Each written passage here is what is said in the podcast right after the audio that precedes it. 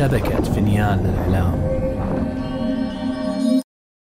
كان يا مكان في بعيد البلدان. ملك يسهر ولا ينام إلا على قصص الإنس والجان.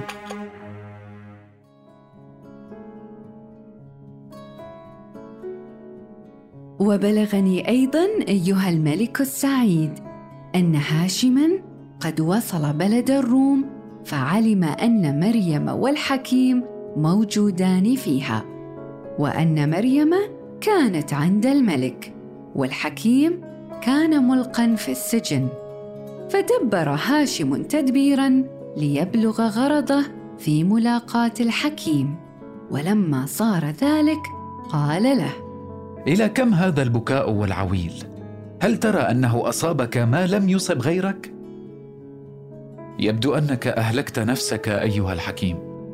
فلما سمع الحكيم كلامه انس به وشكى إليه حاله مما يجده من المشقة وقال له أرجوك أن تساعدني وتنقذني يا ابن الملك. ولما أساعدك وأنت لم تجلب لي إلا المحن؟ وكل ذلك لأن أختي رفضت أن تتزوجك؟ يا لتفاهتك يا حكيم. علي أن أتركك تتعفن في هذا السجن.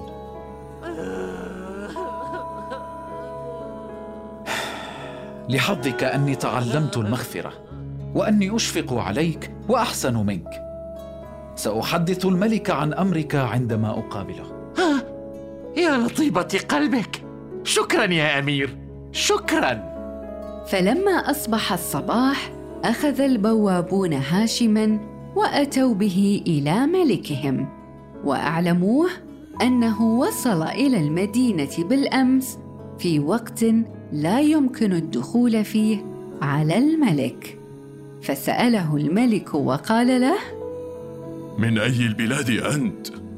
وما اسمك؟ وما صنعتك؟ وما سبب مجيئك إلى هذه المدينة؟ أما اسمي فإنه بالفارسية هاشم. وأما بلادي فهي بلاد فارس. وأما صنعتي أيها الملك لقد علمت أن في قصرك امرأة تعاني من الجنون. وأنا من أهل العلم وأعرف أداوي المرضى والمجانين. وأنا أطوف في الأقاليم والمدن لأستفيد علما على علمي. وإذا رأيت مريضا فإني أداويه. فلما سمع الملك كلامه فرح به فرحا شديدا. وقال له أيها الحكيم الفاضل لقد وصلت إلينا في وقت الحاجة إليك. ثم أخبره بخبر مريم وقال له إن داويتها وأبرأتها من جنونها فلك عندي جميع ما تطلبه. عز الله الملك لك ما تطلب. صف لي كل شيء رأيته وأخبرني. منذ كم من الأيام عرض لها هذا الجنون. وكيف أخذتها هي والفرس والحكيم. فأخبره الملك بالخبر من أوله إلى آخره. فقال له هاشم ينبغي أن أنظر الفرس المذكور لعلي أجد شيئا يعينني على برء المرأة. فقام الملك وأخذه بيده ودخل معه إلى الفرس. فجعل هاشم يطوف حول الفرس ويتفقدها فوجدها سالمة لم يعبها شيء ففرح بذلك ثم قال أعز الله الملك إني أريد الدخول على المرأة حتى أنظر ما يكون منها وأرجو الله أن يكون برؤها على يدي بسبب الفرس إن شاء الله تعالى. ثم طلب المحافظة على الفرس. ومضى به الملك إلى البيت الذي فيه مريم وطلب من الملك أن يدخل وحده عليها فسمح له الملك بذلك. فلما دخل عليها هاشم وجدها تتخبط وتنصرع على عادتها. ولم يكن بها جنون وإنما تفعل ذلك حتى لا يقربها أحد. فلما رآها هاشم على هذه الحالة قال لها لا بأس عليك يا فتنة العالمين. هاشم؟ فلما عرفته صاحت صيحة عظيمة من شدة ما حصل لها من الفرح. وركضت إليه واعتنقته فقال لها الأمير يا فتنة العالمين احقني دمي ودمك واصبري وتجلدي. سمعا وطاعة يا حبيبي سأنتظرك.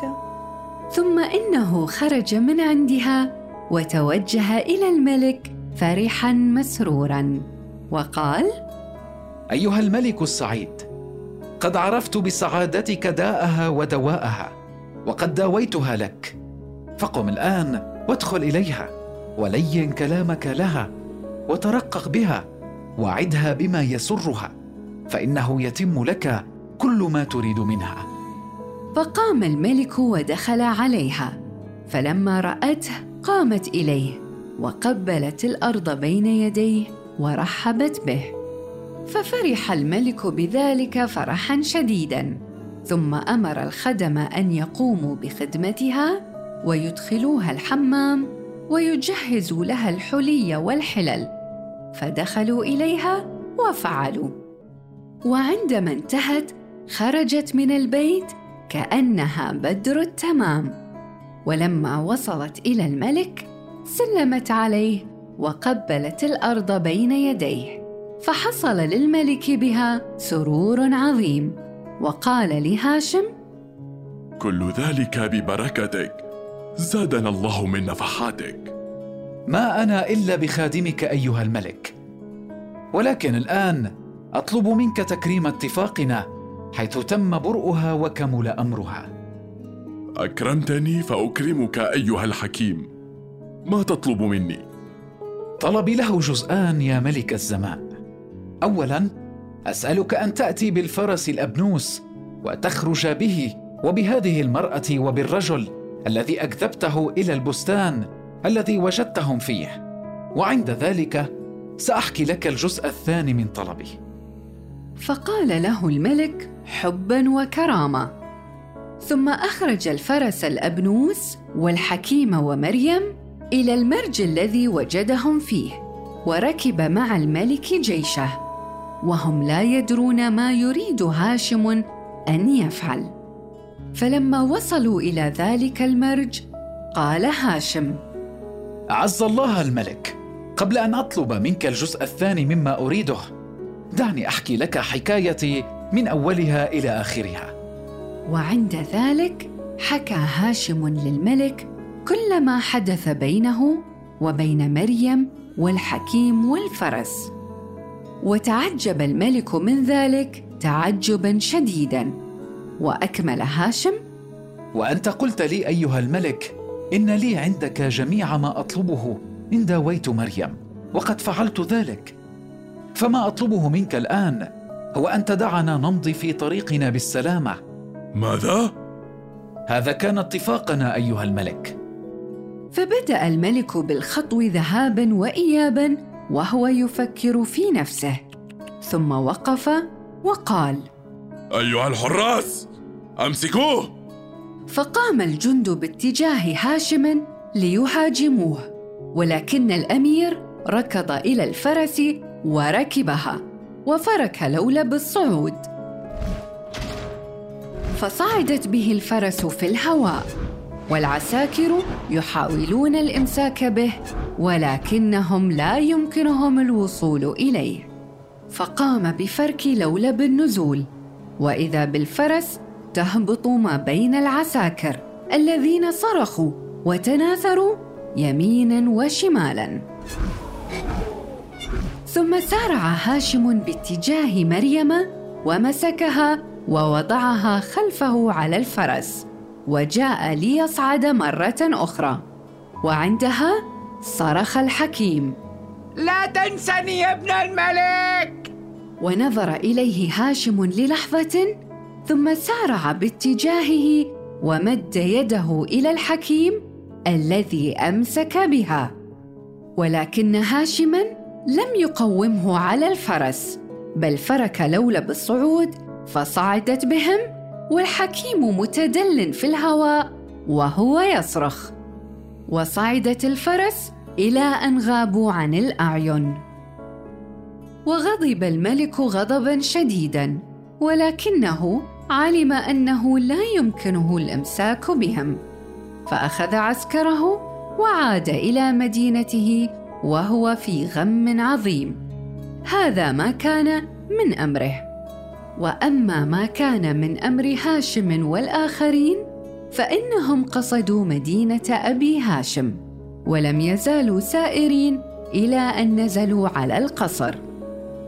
وأنزل هاشم مريم في القصر وآمن عليها ثم ذهب إلى أبيه وأمه فسلم عليهما وأعلمهما بقدوم مريم ففرحا بذلك فرحا شديدا.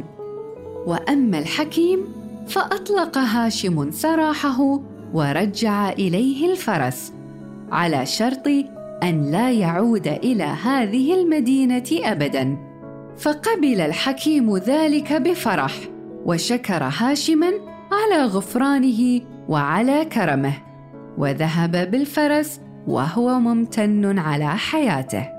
هذا ما كان من أمر الحكيم. وأما هاشم ومريم فهما أقاما في الفرح شهرا كاملا. ثم إن هاشما كتب كتابا إلى أبي مريم وذكر له فيها حالها وأخبره أنه تزوج بها وهي عنده في أحسن حال. واستمروا على هذه الحالة في ألذ عيش وأهنئه وأرغده. إلى أن أتاهم هازم اللذات ومفرق الجماعات ومخرب القصور ومعمر القبور. فسبحان الذي لا يموت وبيده الملك والملكوت. وأدرك شهرزاد الصباح فسكتت عن الكلام المباح.